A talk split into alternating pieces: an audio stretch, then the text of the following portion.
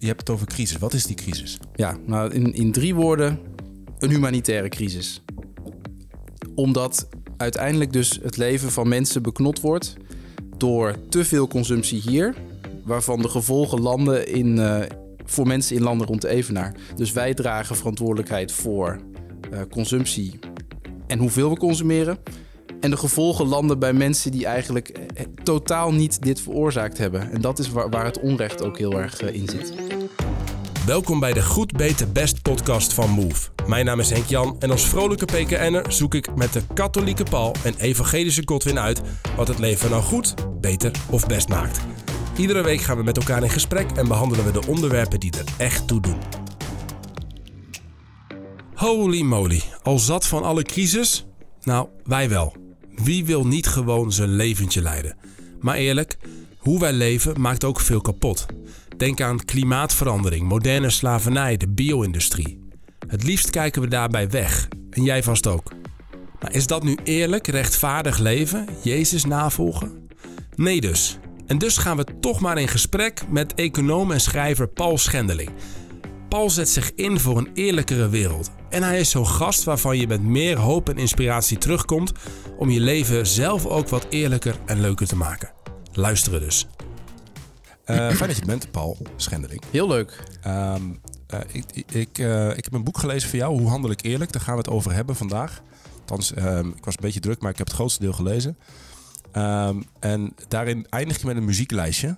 Mm -hmm. uh, dat vond ik wel grappig. Jullie hebben een boek geschreven en dan daar, dat gaat over waar we het vandaag over hebben. Ja, hoe deze wereld is best wel verrot in sommige opzichten. Het klimaat gaat er, boert er hard op achteruit. Er mm -hmm. zit allerlei oneerlijkheid in. Hoe, hoe leid ik nou een eerlijk leven?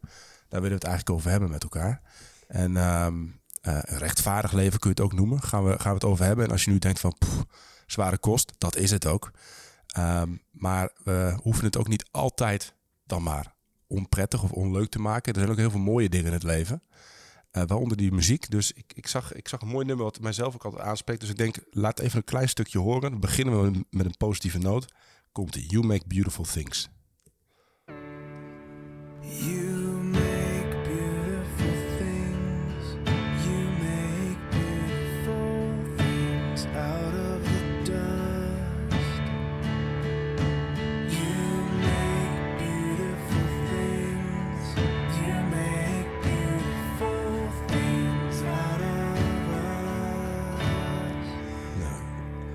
Laat het me even een beetje meespelen. Um, een nummer wat voor mij en mijn vrouw best wel belangrijk is geweest eigenlijk. um, over hoe God mooie dingen maakt. Misschien is het wel mooi om daarmee te beginnen. Wat, want jij zet je heel erg in voor een eerlijkere wereld. Mm -hmm. uh, waarom hou je eigenlijk van die wereld? Waarom zijn er, wat, wat, wat vind je mooi aan deze wereld? Uh, het mooiste van de wereld vind ik mensen. Ik vind mensen echt fascinerend. Uh, er zit als het ware gewoon een hele wereld in één mens bijna. Dus gewoon de hele schepping in één mens. Zoveel kanten zitten er aan de mens. Uh, gesprekken met mensen vind ik heel mooi. Mensen beter leren kennen. Ja. de waarde van ieder mens is daardoor dus voor mij ook echt oneindig groot. Omdat dus zoveel in één mens zit, dan is ook de waarde van de mens oneindig groot. Wat gaaf. Beautiful Things. Waar moeten jullie aan denken, Paul en Godwin? Ik moet inderdaad, ik moet denken aan juist een wereld waar veel tragiek is en veel leed. Dat mensen in staat zijn om alsnog met heel veel schoonheid en liefde te kunnen reageren. Dat er lichter zijn te midden van de duisternis. Daar, daar moet ik aan. En dan denk ik natuurlijk ook aan, aan het zaadje dat God heeft, heeft geplant in, in de ziel van elk mens. Dat we in staat zijn om die duisternis te overbruggen om het zo te zeggen, om het licht te laten schijnen. Daar moet ik aan denken. Nou, gaan we het vandaag dus over hebben, want we gaan het ook echt over pittige dingen hebben. Maar is wel een mooi uitgangspunt dat er, uh, dat, dat er ook is. Godwin? Ja, ik, ik moet gelijk denken aan het Hof van Ede. Huh? Um, toen God alles maakte en alles creëerde. Kijk, ik heb niet veel met natuur, dat weten jullie. Maar je, als eet ik, het alleen op. Ja. en ook niet, niet alles, hè? Nee.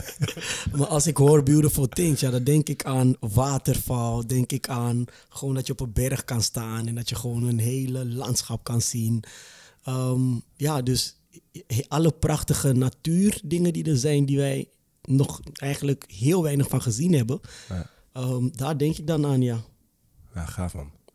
Ik vind het wel mooi dat je water noemt, want dat is inderdaad het tweede waar ik aan zou denken. Uh, rivieren.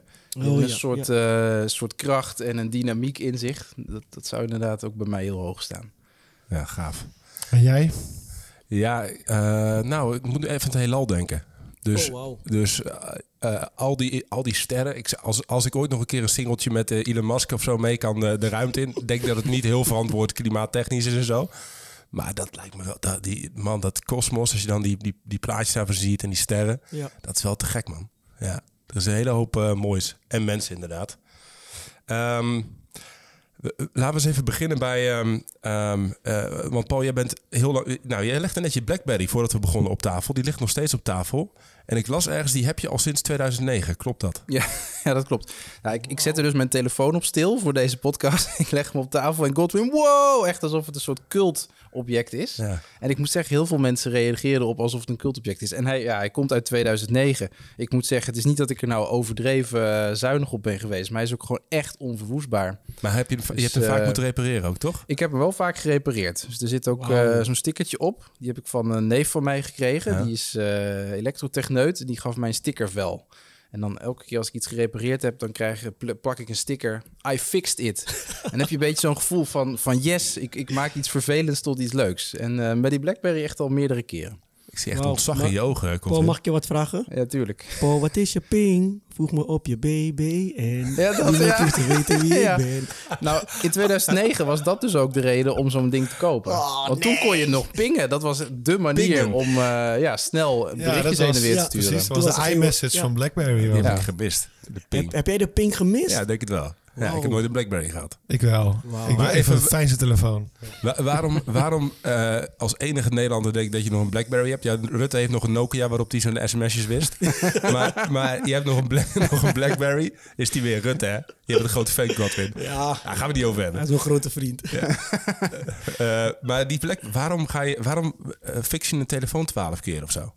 Nou, het, het, ehm, van alle spullen die je kan kopen, hebben elektronica de grootste impact. Dus voor mij heeft een telefoon dus ook een soort symbolische waarde. Van als je wil uitstralen van ik probeer eh, ehm, met zorg voor de schepping om te gaan. Ja. Dan is de telefoon staat heel hoog in de waarde van waar je dan heel zuinig op bent. Dus vandaar dat ik specifiek op een telefoon het meest zuinig ben. Oké. Heb je je telefoon nog, nog recent laten kletteren, Godwin? Of, eh? Ik heb hem laten vallen laatst. Kijk, dat is wel heel, ik was in, eh, echt heel stom vooruit. Ik was in Dubai.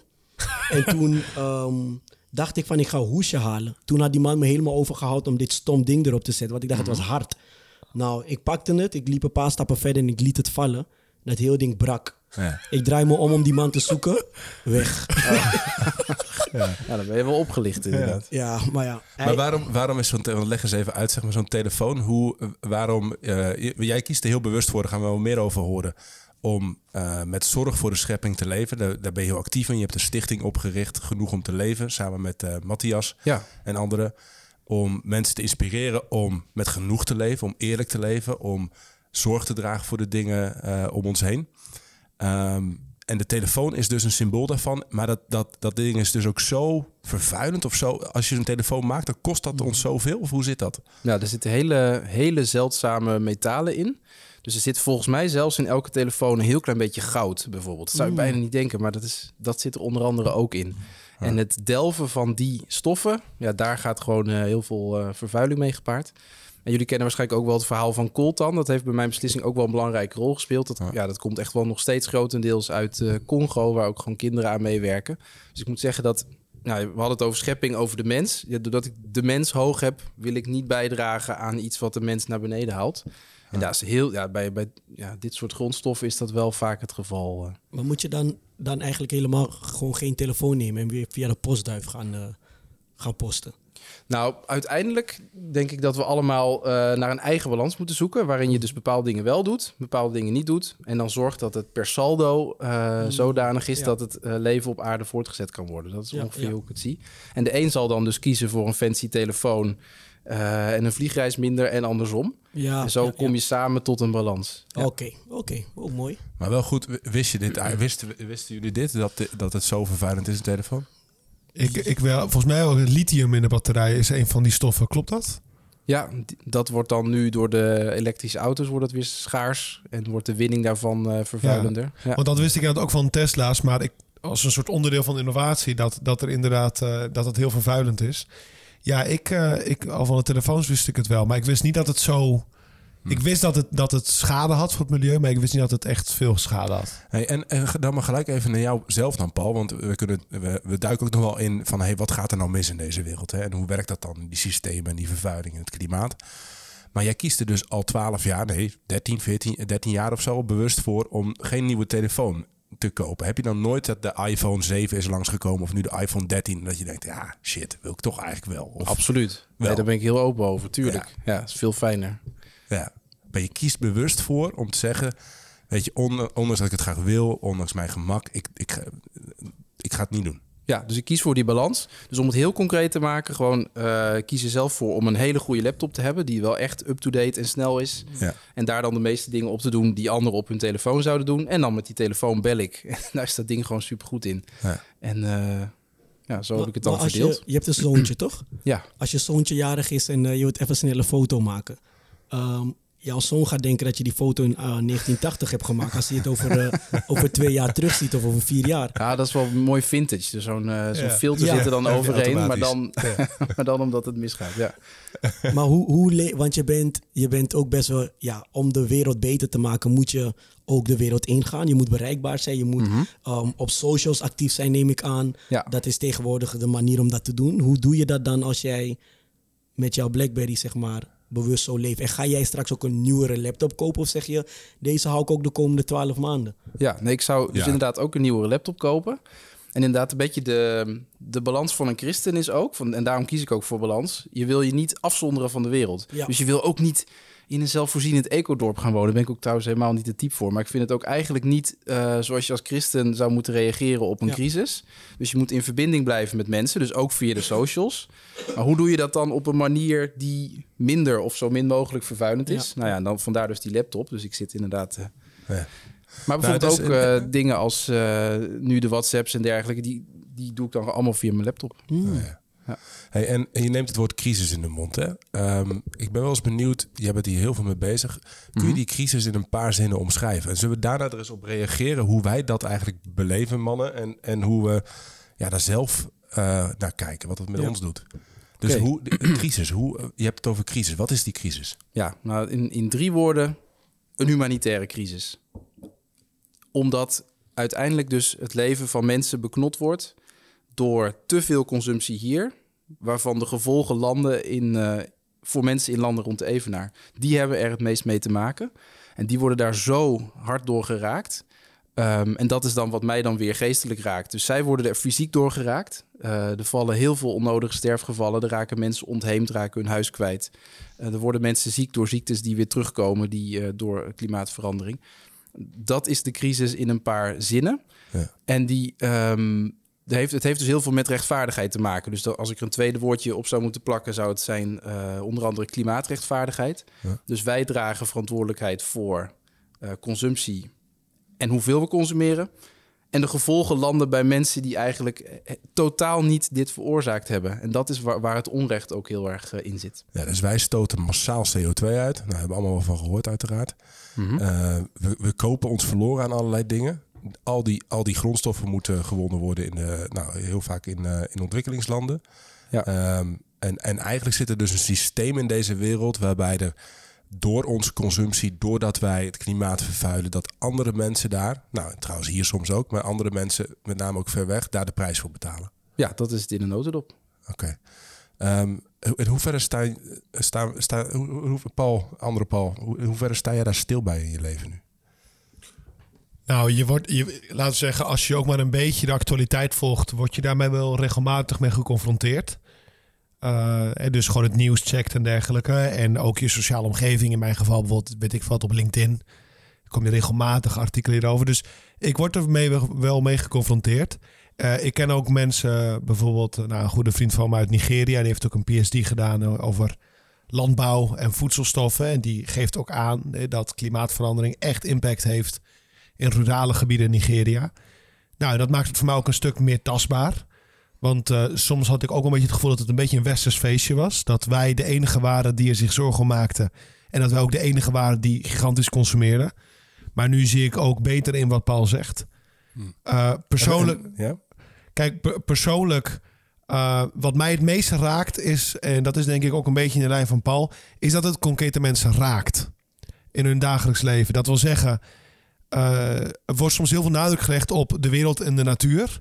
Nou, ik vind natuurlijk de wereld en de natuur ook belangrijk. Maar wat mij feitelijk echt raakt in mijn hart, dat zijn mensen. En natuurlijk moeten we voor de schepping zorgen, hè, begrijp me goed. Uh, wat ik soms een beetje krom vind, is dat uh, ik vind het mooi hoe uh, bijvoorbeeld vorige paus Benedictus, die had het ook over dat, dat we de ecologie, dat we daar ook de, de menselijke ecologie in het centrum moeten plaatsen. En dat wordt niet altijd gedaan. Dus dan wordt er heel veel zorg gemaakt over klimaatverandering bijvoorbeeld. Maar terwijl mensen echt van eenzaamheid of van armoede verrotten. Uh, of gezinnen, heel veel breuken in gezinnen. En wat ik mooi vind is als, als men in staat is om het geheel te zien en dat allemaal te integreren. En dat idee heb ik ook wel bij hoe Paul het framed. Hmm. Hè, van het idee van de rechtvaardigheid. Uh, dat, ik, ik vind het mooi dat dat al goed geïntegreerd is. Dus dat is in het kort mijn, mijn, mijn visie. Ja. Jij, uh, Godwin, hoe raakt jou dit? Ja, als ik dit hoor, dan besef ik me eigenlijk dat ik heel weinig erover weet. Ik weet wel van vraag en aanbod um, dat, dat op een hele andere vlak, dat is over moderne slavernij. Mm. Um, eigenlijk hetzelfde probleem wat jij schetst, dat wij heel veel vraag hebben en aanbod moet ergens vandaan komen. En dat die mensen er um, door onderdoor gaan. Ja. Dat is wat ik dan vanuit IGM als ambassadeur op gericht op slavernij mee bezig ben. Mhm. Maar ja, dan praten we af en toe wel over duurzaamheid en kleding. Maar ja, nu schets je zo'n beeld. Denk van ja, eigenlijk is dit probleem veel groter dan ik dacht ook. En ik denk dan van ja, ik wil lekker um, uh, goed denken aan de medemens en aan de natuur. is ga elektrisch rijden. En dan wat, wat andere Paul zegt. Uh, vandaag heet je andere Paul. Wat andere Paul dan zegt, ja, maar die Tesla-batterijen die worden ook eigenlijk niet heel eerlijk gemaakt. Dan denk ik, ja, maar moeten wij eigenlijk dan niet met deze hele westerse um, cultuur met z'n allen lekker verhuizen naar die landen waar we al die stoffen uithalen. En dan laat hun maar hier in Europa komen, zodat wij de consequenties daarvan gaan voelen. Want wij mhm. vragen die dingen steeds. Dus het is voor mij een beetje een ver, een ver van mijn bedshow, omdat ik er niet heel veel van weet. Naast de reclames die ik op tv zie natuurlijk, dat je ijs mm ziet smelten en... Maar het is, het is ja, dat stukje, maar het stukje moderne slavernij is iets wat je wel raakt. Dat, ja, daar zet je je op in. Wat, is dat, wat is hetgene wat je daarvan weet en wat, en wat je daarin raakt? Wat, da wat me daarin raakt is dat ik nog steeds niet kan geloven dat er gewoon uh, slavernij is vandaag de dag. En de kern daarvan is eigenlijk terug op wat, um, wat Paul zegt, is dat wij hebben gewoon heel veel vraag. Wij willen zoveel hier. En doordat wij dat willen, moeten anderen dat maar gaan ophoesten. Uh, wij willen, Geef daar eens wat voorbeelden van. Wat zijn um, je hebt mensen hier die um, in, de, in de tijd waarin we leven praten er heel vaak over pornografie. Mensen willen continu naar porn kunnen, kunnen kijken. Dan heb je mensen die achter een webcam zitten en die moeten gewoon dat 24 uur gaan doen. Want wij hebben de vraag hier er continu naar. Wij willen nieuwe kleding hebben. Die kleding wordt niet eerlijk gemaakt. Al staat overal duurzaam op. Ik heb bij Radar gezien dat gewoon al die grote winkels die allemaal duurzaam zetten, die doen niks duurzaam. Ze zetten mhm. gewoon de label. Mm Omdat een label duurzaam mag je tegenwoordig gewoon op elke kledingmerk zetten. Mhm. Dus dan heb je allemaal kinderen die bijvoorbeeld in India vet hard werken om duizenden sokken of ondergoed of shirtjes te maken. Omdat wij het zo goedkoop mogelijk hier willen. En dat zijn dingen waarvan ik denk van ja, ik vind dat best wel heftig dat dat mhm. nog steeds gebeurt. En dat vooral grote bedrijven waarvan ik, of waar ik ook naar opkijk, waarvan ik denk van ja, super mooi om zo'n merk te dragen, die doen deze dingen juist. Hmm. Dat raakt mij, dat ik niet kan begrijpen dat je gewoon thuis kan zitten als een CEO, een manager of whatever van zo'n groot bedrijf en gewoon weet, heel bewust weet, dat dit afspeelt in jouw bedrijf. Hmm. Dat je misschien zelf ooit naar zo'n plek bent gegaan om te kijken hoe zo'n magazijn eruit ziet. En je hebt gewoon die duizenden kinderen daar gezien die van ochtends vroeg tot avonds laat continu bezig moeten zijn achter die machines. Maak je boos? Ja, ik, ik kan dat niet begrijpen, want ik vind dat oneerlijk. Ik vind dat oneerlijk voor de mens. Ik denk ook dat het God ergens boos maakt, um, omdat God een rechtvaardige God is. Um, dus ik, ergens denk ik ook dat God zijn hart daarvan bloedt. En als ik het kon, dan had ik echt uh, iedereen zo eerlijk mogelijk behandeld. Dus wil jij dat ik zo goedkoop mogelijk jouw kleding koop, ga het dan lekker zelf maken. Hmm. Ga dan lekker zelf ervaren hoe het is dat die kinderen van s ochtends vroeg tot s avonds laat shirtjes moeten gaan maken waar ze niet voor betaald krijgen of centjes voor betaald krijgen. Mag ik nog even iets, iets aanvullends daarop zeggen? Want we hebben het over moderne slavernij, maar er zit een paradox in, denk ik. En dat is dat zij zijn aan de buitenkant zijn ze slaven, die kinderen in Bangladesh of ergens anders. Maar de grap is, en dat is denk ik ook een aspect die soms onderbelicht raakt, is de consumist is ook een slaaf. Ja. de persoon die altijd maar een nieuwe telefoon wil, altijd een nieuwe kleding, die mhm. verliest ook innerlijke vrijheid. En eh, je kan het ook heel veel vanuit dreigementen zeggen. Je doet een slecht aan iemand anders. Maar de grap is dat er soms ook misschien een bepaalde zelfreflectie ontbreekt om na te denken: wat doet het eigenlijk met mij dat ik continu nieuwe dingen koop? Ja. Hè, dus meer de, de, de persoonlijke Mhm. kant. Hey, dit, is, dit is volgens mij iets wat jou na, aan het hart zit. Uh, Paul, Ja, Paul zeker. 1, Paul 2, andere Paul. Maar Paul, Paul, Paul Gast. Mhm. Ehm, je hebt zelfs uitgerekend volgens mij hoeveel moderne slaven wij hebben. Of je hebt, hebt onderzoek hiernaar gedaan. Ja. Hè? Hoe, hoe zit dat? Ja, klopt. Nou, dat was, eh, ik zat met een vriend een biertje te drinken en we kwamen op dit gesprek, ook een beetje zoals jij het vertelt, eh, Godwin, van we, we kunnen er gewoon niet bij. Ja. En we hadden daar een documentaire over gezien en toen vroegen we ons af van over hoeveel mensen gaat dit nu? Hoeveel mensen treft dit lot? En, en dan kunnen we er ook een, een beeld bij vormen. En eh, dat bleek nog nooit eerder te zijn uitgerekend. Dus ik dacht, nou ja, dan, dan moeten wij het proberen. Ik ben ervoor opgeleid, dus ik ben gewoon aan de slag gegaan en gekeken hoeveel mensen zouden het kunnen zijn. Ja, ehm, er blijken in eh, niet-westerse landen, dus als je gewoon alle landen neemt waar minder betaald wordt, arbeidsomstandigheden slechter zijn, geen sociaal vangnet is, en daar werken 10 miljoen mensen voor Nederlandse consumptie. Dat is de uitkomst. Zo. En dat zijn meer mensen dan er in Nederland zelf werken. En een deel van hen is ook echt moderne slaaf. Als je zeg maar de, de definitie van de eh, Internationale Arbeidsorganisatie erbij pakt, dan is een deel van hen ook moderne slaaf, waar ook IGM zich voor inzet. Ja. En de rest van de mensen doet eigenlijk slaafse arbeid. Dus dat wil zeggen ongelooflijk monotoon werk voor een heel laag loon, zonder sociaal vangnet, in slechte omstandigheden, heel veel uren, heel vermoeiend. Dus het is nog steeds eh, gewoon hele slechte arbeid die ze moeten doen. En dat is, dat is inderdaad gewoon een aspect wat mij ook eh, heel sterk raakte. En eh, wat ik heel sterk vond toen je dat zei, eh, Godwin, is dat je noemde dat het één en hetzelfde mechanisme is wat het veroorzaakt. En dat Ja. klopt ook. Ehm, er wordt ons altijd geleerd van vraag en aanbod. En dan is de markt een soort neutrale factor die dat bij elkaar brengt. Ja. Maar dat is niet zo. Ehm, degene die met veel meer geld die markt betreedt, heeft veel meer macht. Ja. En dat verschil, daar gaat het nooit over. Dus economie, daar is het woordje politiek van afgehaald. Dus het is geen politieke economie weer. Dus de machtsfactor is uit eh, denken gehaald. Waardoor het lijkt alsof je zomaar alles kunt kopen. Maar dat is niet zo. Je, met heel veel geld oefen je macht uit. En wie macht uitoefent, moet dat op een rechtvaardige manier doen. En daar komt als het ware ook die, die ethische connotatie weer om de hoek kijken. Ehm, en dat doet ook iets met jezelf. Dus wat de andere Paul ook aangeeft. Eh, Martin Luther King heeft er ooit over gezegd... wie een ander een fysiek juk oplegt... legt zichzelf een geestelijk juk op. Ja. En daar moeten we ons heel erg van bewust zijn. Want als wij macht op een verkeerde manier uitoefenen... dan doet dat ook iets met ons karakter en met onszelf... Ehm, en dan moeten we dat weer voor onszelf verborgen gaan houden. Op allerlei manieren moeten we ons ja, zelfbeeld overeind houden. Komen we tot zelfbedrog en uiteindelijk komen we daarmee niet tot gedragsverandering. Dus het wordt steeds complexer en complexer. En op een gegeven moment kom je daarin vast te zitten. Ja, want en, en heb je dat zelf ook ervaren, dat geestelijk juk? Wat heeft het met jou gedaan dat je hier op een gegeven moment doorkreeg, ik ben hier onderdeel van?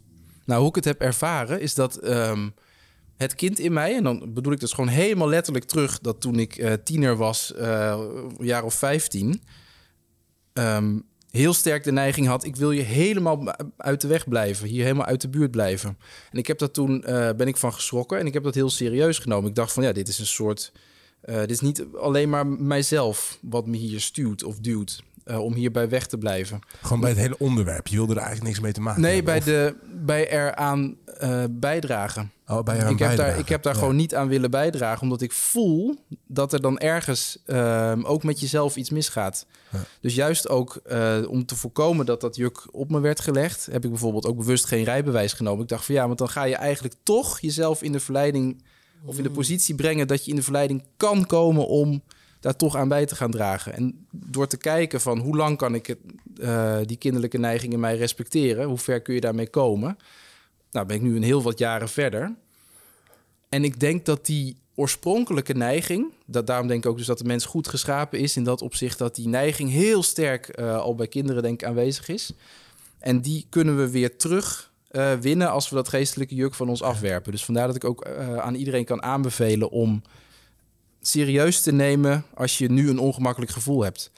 Ehm, we denken bij een ongemakkelijk gevoel, maar dat is eigenlijk al een beetje een teken van dat juk. Oeh, dat ongemakkelijk gevoel moet ik zo snel mogelijk achter me laten. Ik moet nu, en dan heb je als het ware een, een eerste filmpje alweer op je smartphone geopend, om dat ongemakkelijke gevoel kwijt Ja. te zijn. Je zoekt afleiding, je, je misleidt jezelf. Ja, maar bijbels gezien is een ongemakkelijk gevoel eh, misschien zelfs een teken van God. Moeten we heel serieus nemen. Een ongemakkelijk gevoel betekent, hier klopt misschien iets niet in mijn leven. En als ik dat afwerp, dan wordt mijn leven beter. En word, eh, word ik een rijke persoon. Eigenlijk is je, gewe- je geweten, zeg je eigenlijk Ja, ook, je geweten is zo'n ontzettend belangrijk kompas. Ehm, Ja, ik heb dat zelf meege... Dan, eh, om, om het rondje nog een beetje af te maken ook. Ehm, ik ben vegetariër geworden toen ik bij een, bij een aantal, van een aantal stalbranden verslag moest doen. Mm. Dus wij, wij lopen hier altijd... Godwin is een grote kipfan. Dus we lopen hier altijd te grappen over Godwin's kipconsumptie. Eh, maar we kunnen een serieus gesprek over voeren ook, eh Godwin. Ehm, eh, ik, ben, ik, ben, ik was bij die stalbranden en er waren weer een paar duizend varkens afgefikt. Ja, die beesten die worden eigenlijk gewoon gehouden op, de, op dezelfde voorwaarden als wc-papier. Zo. En eh, qua brandveiligheid, et cetera. Dus elk jaar fikken er, weet ik veel, eh, honderdduizenden beesten af in Nederland. En ehm, eh, dat is maar één van de voorbeelden waarop zeg maar, de bio-industrie, de manier waarop we beesten, dieren houden, ja, gewoon verkeerd is wat mij betreft. Ja. Ik ben niet eens fundamenteel tegen het eten van vlees. Als je bij wijze van spreken gewoon een hetje schiet in het bos en dat heeft prima geleefd, dan denk ik, nou, oké. Maar de manier van die, waarop die bio-industrie impact heeft, nou, daar ging bij mij dat ongemakkelijke gevoel. En ik stond erbij en die stank is daar verschrikkelijk. En ik denk, get verdere, ik wil hier gewoon geen onderdeel meer van zijn. Ja. En ik, en ik, heb, ik, had dat, ik, had, ik wist dat al wel jaren, maar ik had dat jaren denk ik al een beetje aan de kant geschoven. Totdat het, dat moment was dat ik dacht, ja, en nu, en nu ben ik klaar mee. Nu ga ik er niet meer aan meedoen, weet je wel. En dan gaat de knop om.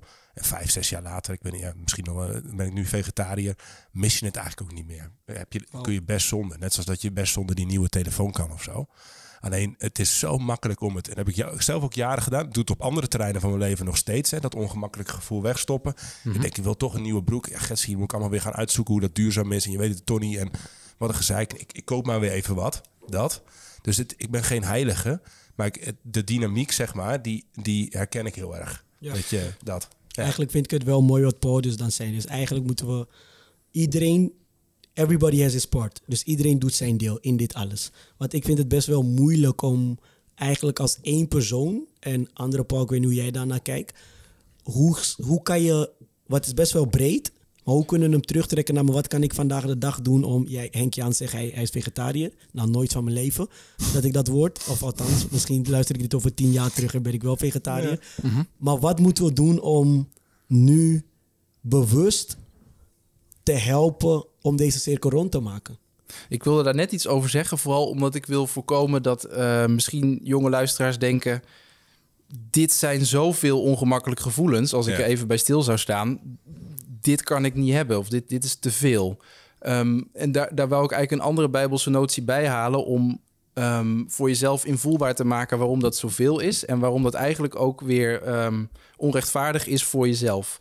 Dus in de Bijbel, daar staat altijd centraal dat er een rechtvaardige koning moet zijn. Een rechtvaardige koning die zijn volk op zo'n manier leidt en stuurt en grenzen stelt, dat mensen niet continu in de verleiding worden gebracht om iets slechts te doen. Wij leven nu in een land waar de overheid geen grenzen stelt aan onze consumptie, geen grenzen stelt aan wie eh, in slechte omstandigheden aan onze producten hebben gewerkt, geen grenzen stellen aan wat we veroorzaken aan klimaatcatastrofes. Zo weinig grenzen dat alle verantwoordelijkheden van wat we kopen op onze schouders komen, waarmee we eigenlijk continu ehm, de fout ingaan. Als ik gewoon even heel eh, zeg waar het op staat. Maar dat is in zekere zin dus ook echt een soort ja, gebroken situatie waar we in moeten leven. En het is ook niet volledig eh, een last op jouw schouder, zou ik eigenlijk tegen die luisteraar willen zeggen. Wat we ook echt nodig hebben, is weer een rechtvaardige koning. Hier komt ook heel erg het Messiaanse verlangen natuurlijk in naar voren. Wat ook bijvoorbeeld in Jezaja heel erg spreekt van eh, wat veel ellende, wat veel onrecht in de wereld. We hebben die koning nodig. En dat, eh, dat voel ik zelf ook heel sterk, van we hebben die koning nodig.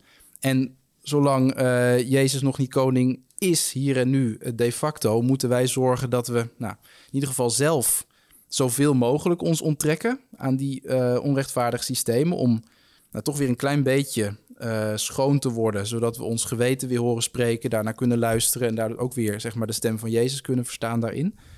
En als we daar ons een beetje aan hebben onttrokken, kunnen we samen gaan bouwen. Wat je vertelt over IGM vind ik daar een heel mooi voorbeeld van. Samen bouwen aan iets meer rechtvaardigheid van wat wij kunnen. eh, als kleine mensen. Hey, en ja, dat, ook dat herken ik best wel. Ik, mijn vrouw is ook heel veel bezig geweest met duurzaamheid. En we hebben ook een periode gehad de laatste tijd dat we er even klaar mee waren. Omdat je de hele tijd allerlei keuzes moet gaan maken als mens. Van- En, en ook het gevoel dat je het nooit goed genoeg doet. En dat het, dat het op zoveel manieren...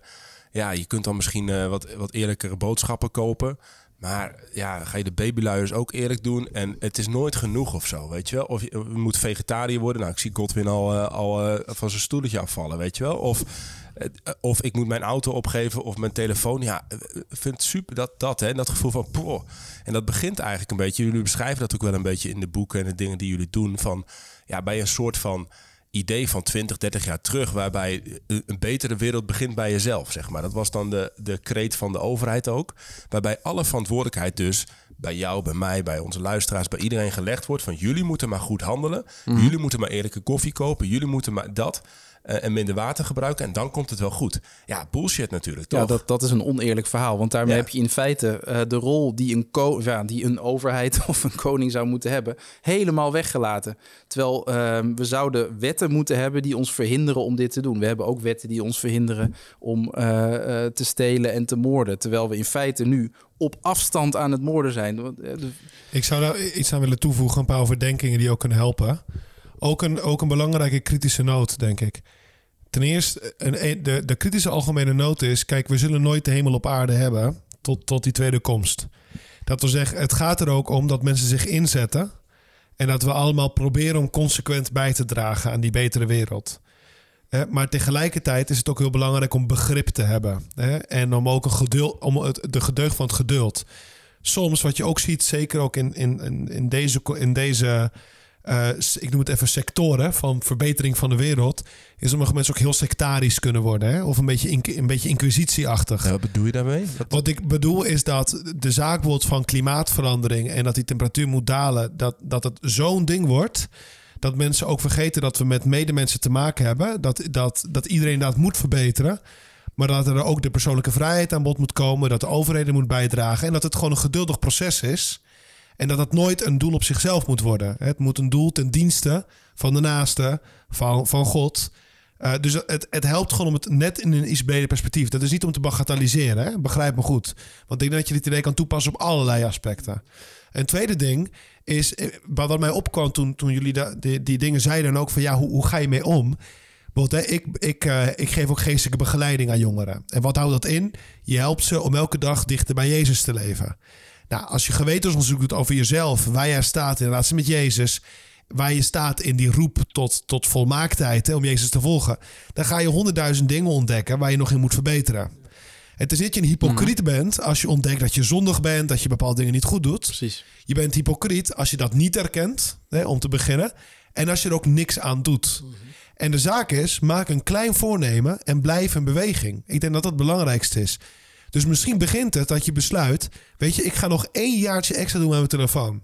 En daarna besluit ik om een keer een aantal sokken te kopen... Hè, bij eh, een verantwoorde kledingmerk. En daarna besluit ik om in mijn eten iets meer te letten... op datgene wat hier of daar... En beetje bij beetje, met geduld en... Hè, kom je in beweging. Maar ik denk dat dat het belangrijkste is. Je moet niet een soort van eh, ecologische heilige worden morgen. Hè? Maar je moet wel, je moet het verlangen hebben en je moet in beweging blijven. Ik heb het hier meer over. Kijk, de overheid, dat is ook een, een ander eh, domein. Hè? Maar meer op de persoon, zeker de jonge mensen die verbetering zoekt. Beetje bij beetje. Het geduld zal alles bereiken. Maar blijf in beweging. Hè? Ja, dus even samen, en dan even benieuwd naar jouw reactie ook, eh, andere Paul. Ehm, maar even samengevat, we zijn niet altijd op zoek naar het goede, betere, beste leven, zeg maar. Hè? Dus, dus hoe leven we dit leven nou? Eigenlijk zeggen we, nou, op eh, persoonlijk vlak, zeg maar, hè? of het nou... maak, maak, kleine, maak kleine stappen. Maak keuzes die, die goed zijn voor jezelf en goed zijn voor de wereld. En verwacht niet dat je in, van de ene op de andere dag zeg maar, een, eh, een soort heilige bent op dit vlak. Je leeft ook in een gebroken systeem, in een gebroken wereld. Maar ga ook niet het ongemakkelijke gevoel uit de weg. Weet je, neem het serieus. Neem je geweten serieus. Luister daarin naar God. Probeer steeds wat meer op Jezus te lijken, zoals, zoals Paul zegt. En, en neem dan wel, wel stapjes. En, en maak stapjes die voor jezelf nu haalbaar zijn. En groei zo langzaam in een levensstijl die beter is voor deze wereld. dat is ook wat jullie, want jij, Paul, uh, jouw, uh, kameraad Matthias, jullie hebben heel veel onderzoek naar. Je een nieuwe stichting, genoeg om te leven. Zeg maar die, is, is, dit, is dit goede handelswijze? Um, twee reacties inderdaad, ook ja. omdat de andere Paul twee punten maakt. Um, het punt van de urgentie, um, ja, dat is gewoon pijnlijk maar waar. Dat kunnen we al niet meer in perspectief zetten in dat opzicht dat er nu al zoveel mensen hieraan sterven en ontheemd raken en de, de vooruitzichten zodanig slecht zijn dat ik, dat ik dit ook niet meer als een gewone situatie kan beschouwen. Dus als ik nu de wetenschappelijke literatuur op nasla en ik zie de vooruitzichten en ik zie wat er nu al gebeurt, ja, dan, dan kan ik het gewoon al bijna niet meer bevatten. Dus we leven in een, in een uitzonderlijke uh, tijd. Dus dat maakt het ook heel lastig om je daartoe te verhouden. We maken het eens even. Ik heb een boekje gelezen, Jonas onder walvis van Monier Samuel. Zijn andere ja. boeken, dingen. En als je dat leest, ik werd er ook depressief van. Dus jij zegt, de, de, het is zo slecht gesteld. We zitten al op zo'n manier. Ja. Dit, dit. En wat gaat er dan gebeuren? Wat komt er op ons afgedenderd? Ja, wat er op ons afkomt. En um, ja, daar, dat, daar ben ik dus naar op zoek hoe je daar als een christen mee om moet gaan met die wetenschap. Uh -huh. Letterlijk en figuurlijk wat er op ons afkomt, is dat er gewoon uh, de komende 50 jaar uh, minimaal anderhalf miljard mensen ontheemd gaan raken. Omdat hun leefgebied door uh, droogte, hitte en overstromingen onbewoonbaar gaat raken. Het wordt ontheemd, misschien kan je dat even toelichten. En ontheemd betekent dat je niet meer kunt wonen waar je altijd woonde en in je eigen levensonderhoud kon voorzien. Omdat het daar zo heet, zo droog of zo nat wordt dat je daar gewoon simpelweg niet meer kunt leven. Dus de gemiddelde temperatuur wordt dan zodanig hoog dat je daar gewoon niet meer naar buiten kunt stappen zonder te overlijden aan hitte, stress. En dit gaat gewoon gebeuren. De wetenschap, dit, ja, dat... dit is onomkeerbaar. En dit is al onomkeerbaar. De enige vraag is nog van hoe beperkt kunnen we dit houden? En die anderhalf, het leefgebied van anderhalf miljard mensen is al bijna, dat is al onomkeerbaar. Het enige is kunnen we het beperken dat het niet 3 miljard mensen gaat raken Zo. binnen nu en 50 jaar. Dat is wat we nu weten. Um, en, uh, en dit gaat over uh, ja, het recht op leven gaat het hier over. Dus daarom kan ik het gewoon. Um, dat stukje kan ik niet in een um, ander perspectief plaatsen dan gewoon een, een, een tragedie die, waar we ons toe moeten verhouden. Dus eigenlijk zou een letterlijke tikkende tijdbom aan ja, het creëren met z'n Ja, eigenlijk wel. En Zo. wat uh, heel erg kan helpen, want dan kom ik eventjes een uh, klein zijstapje naar wat, uh, wat Godwin eerder zei.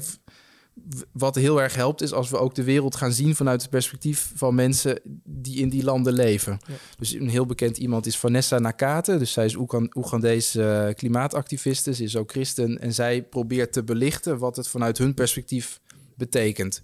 En dat verhaal kan ik niet um, daar kan ik niet omheen. Dat verhaal is zo groot, daar hebben we ons toe te verhouden. Dat is iets waar we een omgang mee moeten vinden.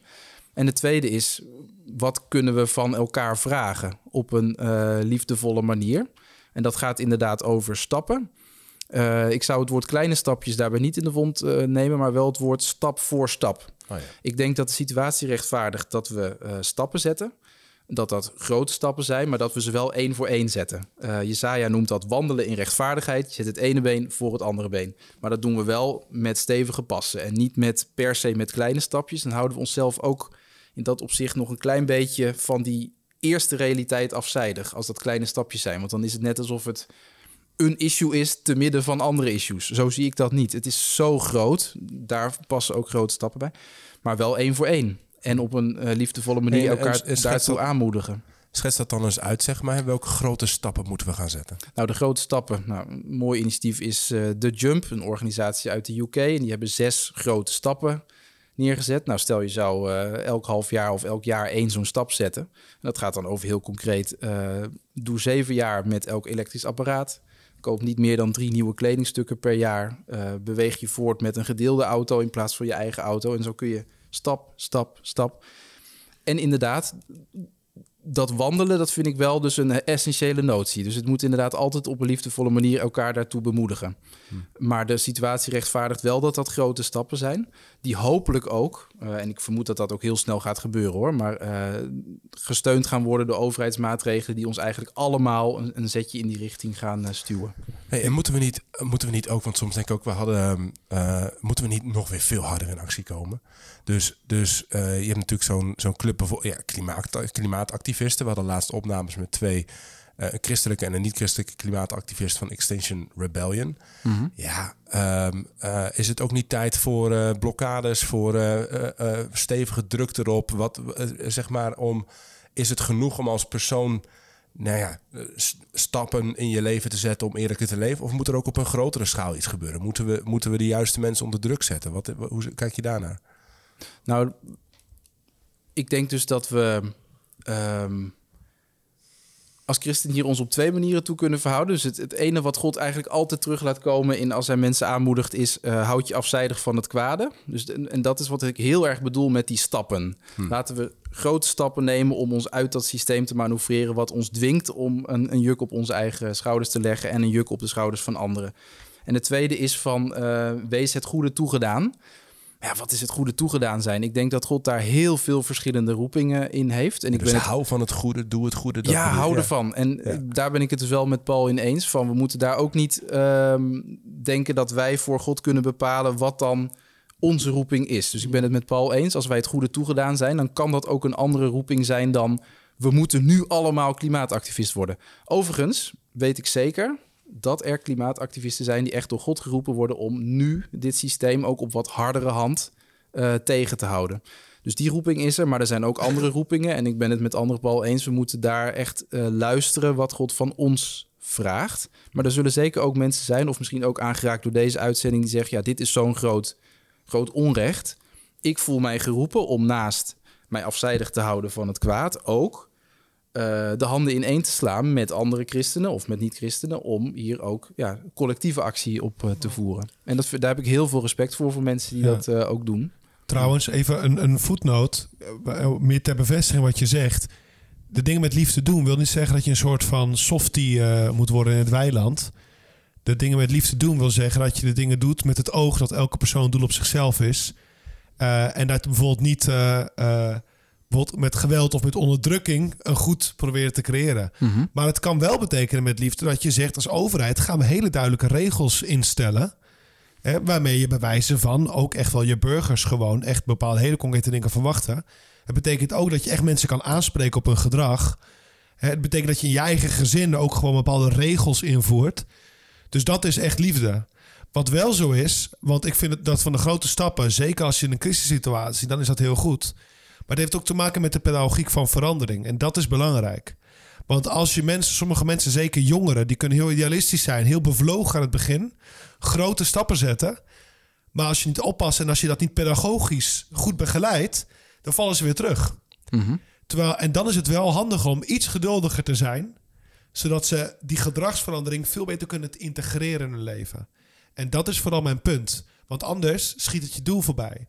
Zoals mensen die op 1 januari zeggen: Ik ga nu vijf keer per week naar de gym. Ik eet geen vlees meer. Ik stop met roken en ik stop met alcohol drinken. En na twee weken zijn ze net zoals op 31 december. Ja. En dan is het beter om te zeggen: Ga één keer per week naar de gym. Eh, drink twee biertjes per week in plaats van geen. En uh, snap, wat ik bedoel? Dus dat, dat is vooral mijn appel. Want ik ben het helemaal Ja. met je eens, Paul. Ja. Maar st- stel dat we dit wel doen, wat jij zegt. We gaan met z'n allen er goed op letten. Uh, ik zag laatst dat er in India dat het zo warm was dat ze eigenlijk niet konden werken. Dat is allemaal vanwege de klimaatsverandering. Um, wat winnen we er precies daarmee?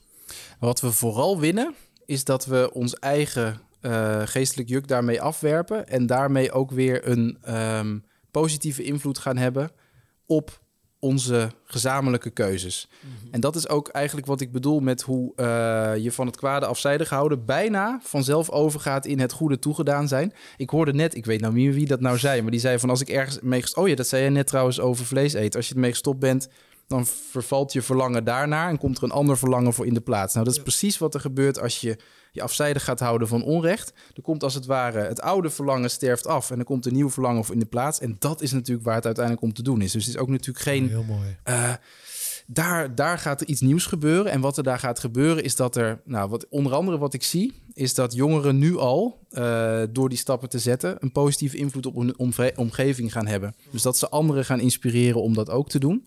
Uh, en dat daarmee sociale normen gaan veranderen.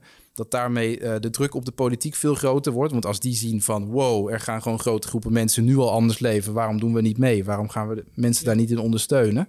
En dat is waar de positieve verandering gaat beginnen. Ja, ja, ja, ja, ja. ja ik moet zeggen dat ik dat op een andere manier heb ervaren. Um, wel precies zoals je zegt, maar uh, ik met, met autorijden bijvoorbeeld. Er was echt een hele, volgens mij eind vorig jaar, echt een heel ding. We hebben toen ook nog in de podcast erover gehad. Dat um, de overheid echt mensen ging uh, aanbevelen elektrisch te gaan rijden. En dan geeft ze je geldvergoeding ervoor. En dan denk je, oh goh, leuk, ik krijg geld ervoor om het te doen. Nou, dan koop je een elektrische auto, krijg je minder dan 2% terug. Maar anyway, je denkt, ik heb tenminste wat, wat terug gehad. Een grote bron van teleurstelling, die overheid voor jou, Godwin. Precies, maar uiteindelijk, um, dat is wel wat ik ook ervaren heb. Dus ik, ik ging echt inderdaad om mijn omgeving veranderde constant. Iedereen ja. ging elektrisch rijden, iedereen vond het fijn. Je had verhalen erover. Toen dacht ik van ja, maar waarom ook niet zo beter voor, voor het milieu, dacht ik dan. Voor Ja. het klimaat, dus ga ik dat doen. Um, maar ja, het is, het, ik denk dat ik ben zo'n persoon, en ik denk dat we allemaal verschillende mensen hebben. Ik ben zo'n persoon die overtuigd wordt door zijn omgeving. Als iedereen het Ja, doet, precies. denk ik uiteindelijk van, oh ja, misschien moet ik het ook doen. Ja. Waar Henk Jan naar een stal gaat, wat helemaal afgefikt wordt en dan zelf innerlijk de overtuiging heeft, nee, nu moet ik stoppen. Waar Paul denkt aan zijn medemensen, het is niet goed voor die mensen, dus ik ga ermee stoppen.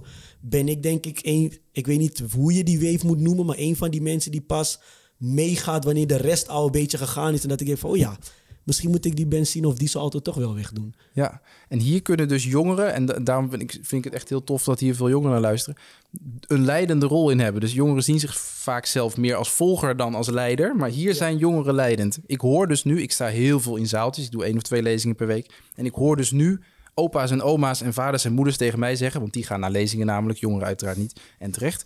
En die, die, die ouderen die zeggen dan tegen mij, ik ben nu stappen gaan zetten, want mijn kinderen doen het al. En ik vind het heel raar om daarin achter te blijven. En dan denk ik, kijk, je ziet jongeren hier de leiding nemen. Jongeren gaan hier voorop.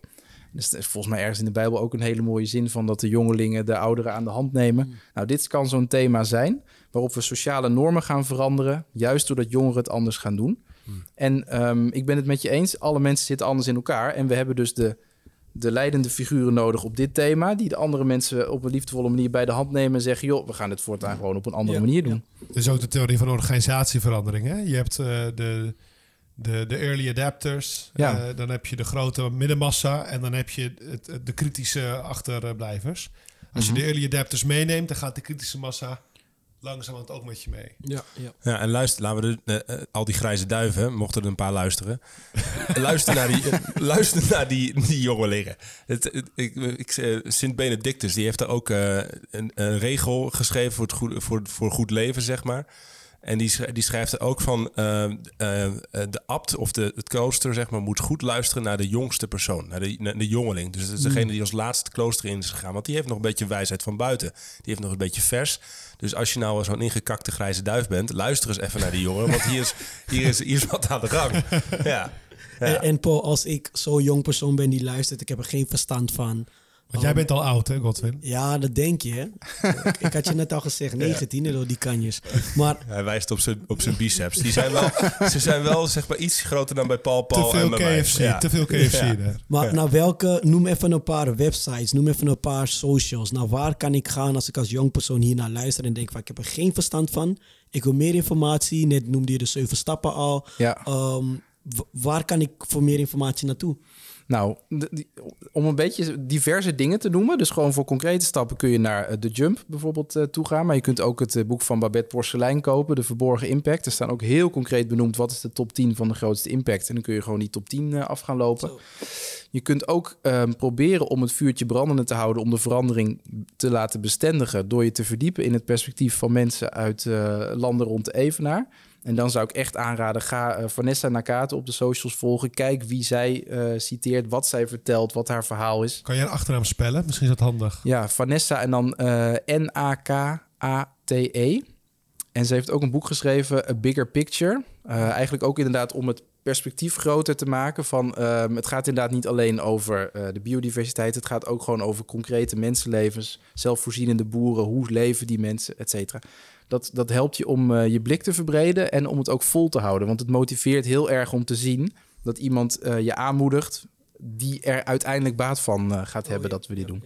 Dus Hey, en en vergeet jezelf niet, hè? Genoeg om te leven. Jullie zijn met hele toffe dingen bezig volgens mij. Het is nog een beetje een opbouw, maar genoeg om te leven.nl Ja, het boek is heet het, ook zo, ik. toch?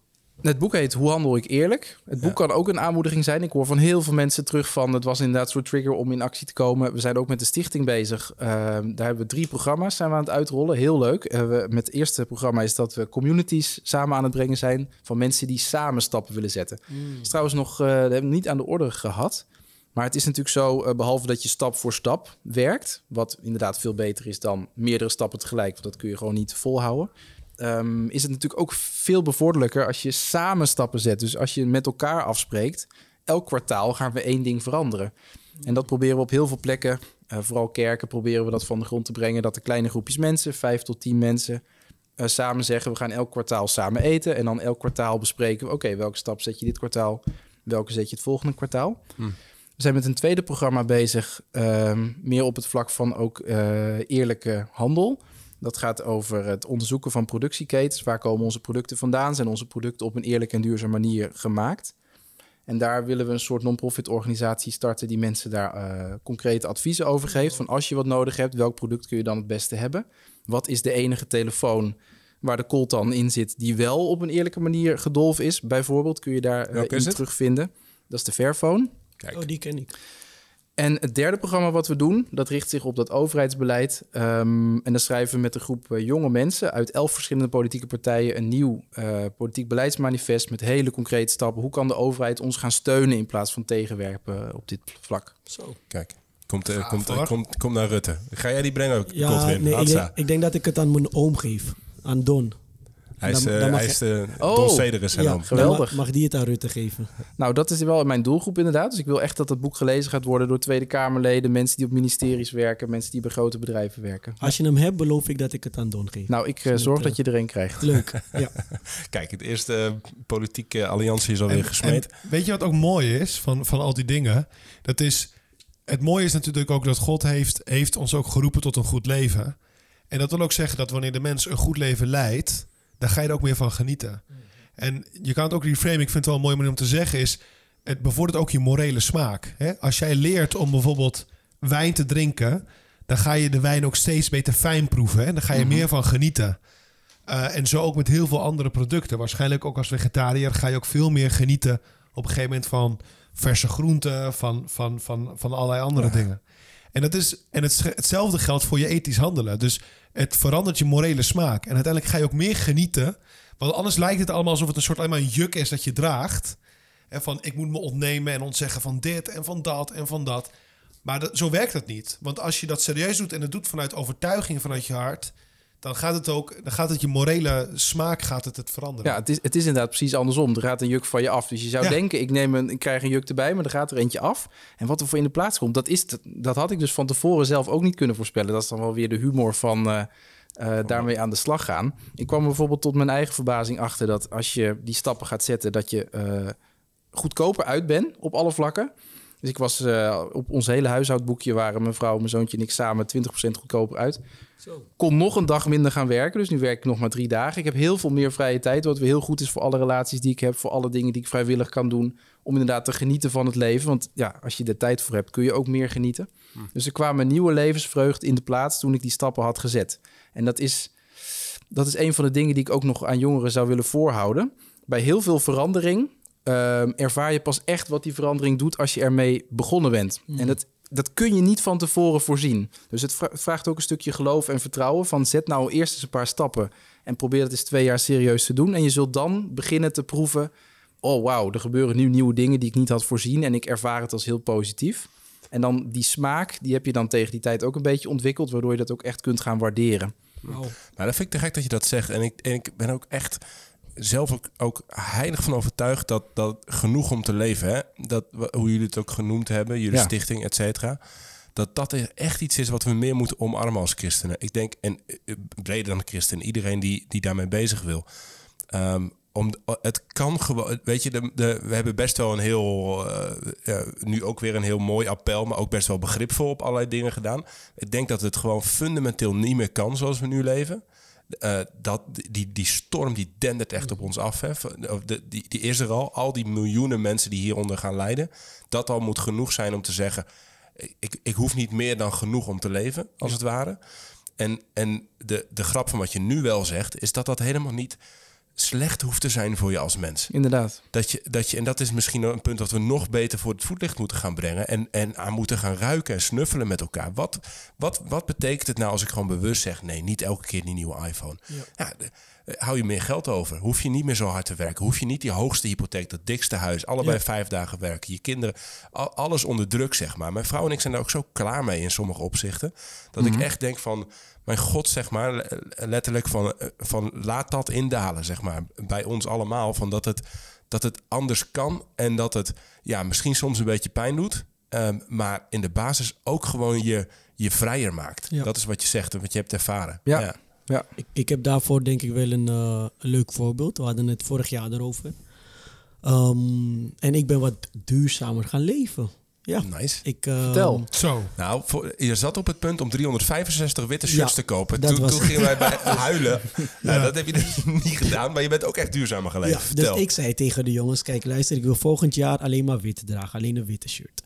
Um, dus wilde ik 365 witte shirts kopen. Mm -hmm. um, en dan elke dag een shirt dragen. En toen kwam Paul en Henk Jan met een uh, hele slimme, duurzame oplossing. Nou, mm -hmm. koop 30 shirts. en dan was je gewoon op tijd je shirts. en dan heb je gewoon genoeg shirts voor een maand. En dat ga je gewoon zo door. Dus ik ben nu tot vandaag, we leven in, was de datum? Uh, 20, mei. Ja. 20 mei heb ik gewoon elke dag een witte shirt aan. Geweldig. En ik was er gewoon op tijd. Lekker duurzaam, jongens. Ik, ik, ben zo trots op mezelf. En het maakt het leven echt makkelijk. Ik sta op. Ik heb alleen witte shirts in mijn kast. En een paar broeken. Zwarte broeken. Dat is het enige wat ik aandoe. Echt geweldig. Ik hoef niet na te denken over... wat ga ik vandaag aan? Wat moet ik strijken? Wat moet ik... Nee. Mijn was is ook alleen witte was. Ook, ook niet over na te denken. Alles erin. En ja, man. Het geeft je wel echt vrijheid. Nou, nou, stap voor stap zeiden we. Dus van 365 naar 30, is al een factor 10. En nu moet hij nog naar 7. En, en, nu, nog, uh, naar 3 uh, of zo was het, zei je net. Maar uh, nou ja, uh, stap voor stap. We hebben allemaal stappen te maken. Daar moeten we ook niet hypocriet in zijn. Zo simpel is het. Um, ik zit nog even te denken. Er is een hoop, gez hoop gezegd al. Misschien is het nog goed om, om te eindigen bij, bij, bij God. Bij, ja, dat klinkt een beetje gek. Maar, nou niet gek eigenlijk, maar... Um, het is al aangestipt. Je hebt ook je, zaaien aangehaald um, met elkaar. Hoe denk je... Um, ik kan me ook voorstellen dat dat er mensen zijn namelijk die zeggen... nou, weet je, het is zo groot dat het op ons afkomt gedenderd. Het gaat me zoveel kosten. Ik overzie het helemaal van geen meter. We wachten wel gewoon tot Jezus terugkomt. Of de apocalypse aanbreekt. Of nou, en, en, en uh, we zien het wel, weet je wel.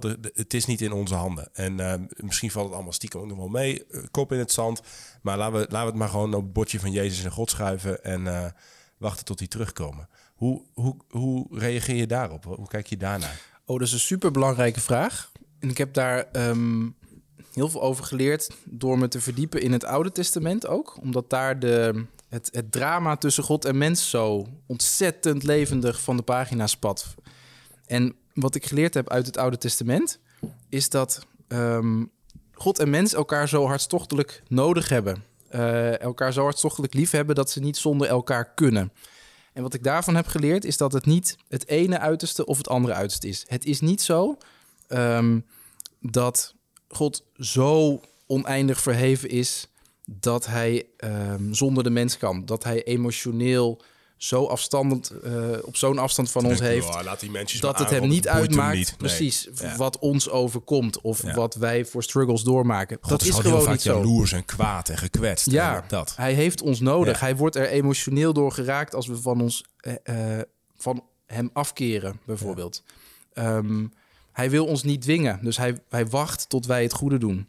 Met andere woorden, dat ene uiterste, dat klopt niet. Maar het andere uiterste, dat klopt ook niet. Dus het ene uiterste is dan van, ja, we leggen het gewoon bij God neer... en God die gaat deze aarde wel ja. een keer redden en, uh, of niet. En uh, het is niet van Gods pakken, ja. Dat, dat klopt niet, want God is betrokken. God laat zich raken door, door ja. wat mensen doen. En God zal ook nooit met harde hand eh, dwingen. Hij zal altijd wachten tot Ja. wij uit eigen wil tot inkeer komen en in verandering komen. God is een gentleman. Ja, dus dat is ehm, het ene uiterste wat we moeten vermijden. Dat we alles bij God laten en dat we God op hele grote afstand zetten. Dat we zeggen, nou...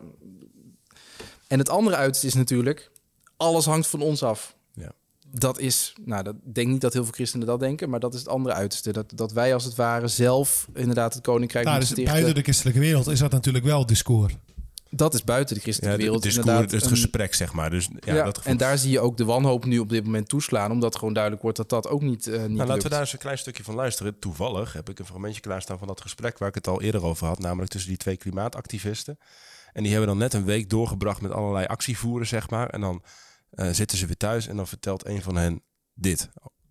En dan kom je thuis en dan voelt het ineens heel leeg. En toen had ik een paar weken had ik het heel zwaar.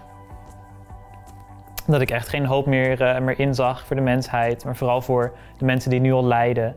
Eh, dat ik dacht, ja, we kunnen maar 500 mensen de straat op krijgen voor Extinction Rebellion. Terwijl het probleem gigantisch groot is. En eh, ja, dat is wel moeilijk. Ja. En op het moment dat je dan meer actie gaat voeren en dan toch weer met mensen erover praten, over je verdriet en zo, dan, dan gaat het wel weer. Maar dan nog, dan heb je eh, een paar keer per week eh, dat je een paar uur echt helemaal er doorheen zit en heel somber bent. Ja. En dat je even niet meer weet eh, hoe het nou allemaal moet. Dat grijpt je dus echt wel persoonlijk aan. Ja, eh, ja, moet je soms huilen en, eh, en zo. Ja, dat hoort er allemaal bij. Nou, dat is wel even... Maar dat gevoel, hè, dus mensen die zich echt op betrokken... misschien is dat ook wel wat je in het begin van het gesprek zei... Ja, waarom mensen het ongemakkelijk vinden... ze het niet, niet zo op die manier door willen laten raken... dat je echt somber, depressief bent. Dat je denkt, poh, we moeten nog zoveel... maar er, er zijn zo weinig mensen die zich hier echt voor inzetten. En, en die, al die ellende die, die over ons heen dendert. Ja, Ja, dat. en, en dat is natuurlijk ook gewoon eh, het geheim van de christelijke hoop. Dat daar waar het menselijkerwijs niet mogelijk is, proberen we de hoop vast te houden. En dat is dus eigenlijk ook de ongelooflijk moeilijke, maar ook zo perspectiefrijke middenweg die wij uit de Bijbel kunnen leren. Vooral het Oude Testament, maar ook het Nieuwe natuurlijk. Maar dan op een andere manier. Dat wij ehm, God en mens elkaar nodig hebben. Dus wij hebben eh, Gods geest nodig om van binnenuit te veranderen, om onze gezindheid te veranderen. Tegelijkertijd zal God nooit ehm, de goede wereld afdwingen. Dus hij zal altijd wachten op onze instemming, op onze actie om dat in gang te zetten, om het begin ermee te maken. En dan zal God het afmaken. En dat is ehm, een hoop die zo diep is en zo rijk van boodschap en zo inspirerend, dat, dat, dat als het ware de kerk in deze crisis een totaal nieuwe rol ook gaat krijgen. Ik zie dat ook echt voor me. Die kerk die, die, die lijkt nu in de seculiere samenleving een, een soort apart eilandje te zijn met weinig zeggingskracht. Maar ik kan jullie vertellen, over vijf, tien jaar wordt dat wat nu al in ehm, Afrikaanse landen, Aziatische landen heel bekend is, gaat ook in Nederland doordringen. En dan zullen mensen zich afvragen, waar is de hoop? Net zoals die jongen die we net eh, in het fragment hoorden. Hij weet wat straks heel Nederland weet. En als heel Nederland dat weet, dan hebben mensen hoop nodig. Dan moeten we niet met 17 miljoen mensen in, in, in de put raken. Dan moeten we de hoop proberen vast te houden en te koesteren. En dan hebben wij als het ware weer een totaal nieuwe manier om te vertellen wat, eh, ja, wat de echte hoop is. En, en wat, man. is, wat is jouw persoonlijke hoop als je ehm, even lekker mag fantaseren? Uh, en denk aan zonder limieten, dus het herstel van uh, de klimaat weer en alles. Wat is jouw persoonlijke hoop? Wat hoop jij te zien? Um, waar hou jij je aan vast? Ja, waar ik me aan vasthoud is dat, dat we net zoals na eerdere ehm, echt grote catastrofes zelf tot inkeer komen en daarmee die eerste stappen gaan zetten en dat God daarna met ons verder aan de slag gaat. En ik moet, moet heel concreet denken aan de opbouw van de verzorgingsstaat. Dat was ongelooflijk onwaarschijnlijk. En daar is een eeuw lang, is er ook door mensen soms tot, tot wanhoop aan toe voor geknokt.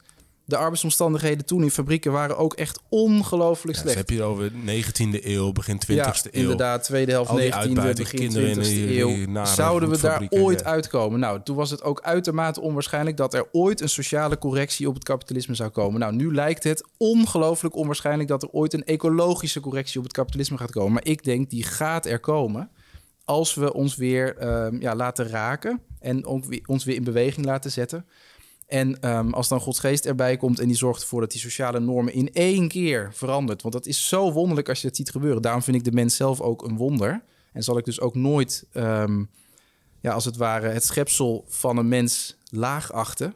Want een mens kan ineens veranderen. En helemaal eh, als er dus mensen als een groep ineens gaan inzien wat er aan de hand is, dan kan er ook zomaar ineens een correctie plaatsvinden. Wat we eigenlijk daarvoor voor onmogelijk achten. Ik zou, ik zou nog graag van jou een advies willen. Want dat punt hebben we niet echt eh, besproken. Maar ik denk dat het toch belangrijk is. Kijk, dat er klimaatverandering plaatsvindt is duidelijk. Maar je hebt natuurlijk nog best wel een segment in de westerse wereld... die enorm twijfelt aan de, de menselijke bijdrage. Hè? Ofwel, dat zijn de klimaatskeptici, zoals je ze vandaag zou framen. Ehm, heb jij misschien ook interessante websites of bronnen... die kunnen helpen om dit soort mensen ook bewust te maken van... dat het probleem er is, is er... Maar dat je er ook daadwerkelijk iets aan kan doen. Want over dat tweede zie je wel vaak ook op het politieke en soms ook het godsdienstige vlak. Ja, Ja. dus zie je best wel ja. eh, wat, wat discussie. Ja, nou in het meest recente IPCC-rapport staat één grafiek. En dan hoef je dus nog niet eens te lezen of een heel dik rapport te lezen. Eén plaatje, waar het hele verhaal uit blijkt. En dat is dat er een 100% lineair verband is tussen CO2-uitstoot en opwarming.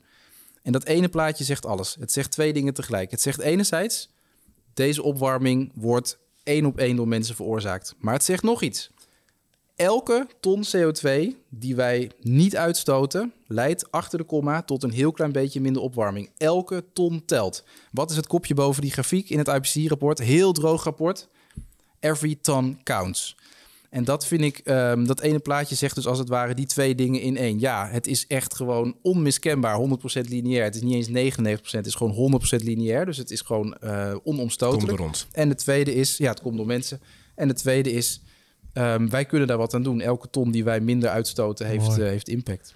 IPC, wat, trouwens, wat is het IPC? Ja, dat is de afkorting. Het is het Intergovernmental eh, Panel on Climate Change. Dat is van de Verenigde Naties. Echt gewoon een heel gezaghebbend ehm, eh, lichaam... waar allerlei klimaatwetenschappers samenwerken aan eh, klimaatrapporten. Cool. Godwin, je zit klaar met iets. Ja, er is een bijbelschriftgedeelte wat voor mij nu in ene heel en heel erg levend wordt. Het staat in 2 Kronieken 7 vers 14. Zegt het, en als mijn volk zich vernedert en bidt en mij weer zoekt en breekt met hun zondige praktijken, dan zal ik vanuit de hemel luisteren, zijn zonde vergeven en het land weer gezond maken. Ja, Dat wordt in Gaaf, ene gewoon Amen. heel levend. ja, ja dat is echt prachtig. Prachtig. Want, dat, want, eh, dit is echt, zeg maar het woord van God... wat beter zegt wat ik net probeerde te zeggen. Namelijk dat waar die inkeer is... de vernieuwing, als het ware, gelijktijdig begint. Ja. En dat daarmee meteen ook weer een ander eh, pad ingeslagen wordt. Dus, ehm, en ik, eh, nou, eh, laten we ons bekeren. Kom tot inkeer. Dat Ja. is ook gewoon een roep uit de Bijbel. Laat, laat dat ongemakkelijke gevoel iets met je doen. Laat je geweten in die zin spreken. Laat het je niet ontmoedigen. Het hangt niet allemaal van je af, van ons af, van mij af. Dat is ook, ook, ik zeg het tegen mezelf ook. Ehm, en en ehm, eh, hou hoop en zet dan stap voor stap in je leven koers zeg maar richting, nou, eh, richting, eh, richting wat goed is voor, voor jezelf, voor ons. Dat we dat, we dat ja, die gevangenis waar we onszelf en al die mensen in, in, eh, in de derde wereld ook in geplaatst hebben, dat we die stukje voor stukje afbreken. Ja. En ehm, eh, op alle vlakken in onze persoonlijk levens, ook, ook die politiek, ook, ook nou, op allerlei andere vlakken. Laten we, laten we dat doen. En ehm, genoeg, om, genoeg om te leven dan. Op een goede manier. Op een, eh, op een eh, manier die goed is voor ons. Want God wenst ook het goede. God houdt van beautiful things. Lijkt me mooi om daar nog even mee te eindigen. Of, of Paul, had jij nog... Ja, er kwam een andere bij me op ook. Vertel. Maar, maar dat, de andere Paul zal ook 100 liederen. Bij mij kwam de, de Earth Song van Michael Jackson op. Oké, ja, Ik vind we zijn ook een keer met schitterend. Michael geëindigd volgens mij. Ja, ik vind die echt schitterend. Maar dit vind ik ook een prachtig nummer hoor. Dus ik ga het absoluut niet... eh, Nou, dan eh, een speciaal verzoek. eh, Earth Song van Michael Jackson. Val, eh, Paul eh 1, Paul 2 eh, lastig. Paul 1 bij Genoeg om te leven. Ze kunnen je vast wel eh, vinden voor tips, et cetera. Eh, wees niet alleen. Laten we het ook samen doen met elkaar. En ondertussen zetten wij dan weer een heel lang liedje van Michael Jackson op. hey, ik vond het echt heel leerzaam. Dankjewel. Jullie ook Ja. bedankt. Voor, ook voor je stotwoord. Nou, ja, we hebben hem nog één keer, nog één keer lezen dan? Ik, eh, ik vond hem Heel, ook heel graag. Ik vind het echt heel mooi. 2 Kronieken 7 vers 14. En als mijn volk zich vernedert en bidt, mij weer zoekt en breekt met hun zondige praktijken, dan zal ik vanuit de hemel luisteren, zijn zonde vergeven en het land weer gezond maken. Ja, echt prachtig. Kan je het ook even in het Latijn voor de katholieken? Ja, Zit hij het weer te verknallen? Eindigen we net zo mooi, moet hij weer met zijn Latijn. Ja, die is sorry, heel kort dan hè. Mand. Mand. Ja. Nee, het was prachtig. Het is echt een mooie tekst. En we luisteren nog even naar uh, Earth Song van Michael Jackson.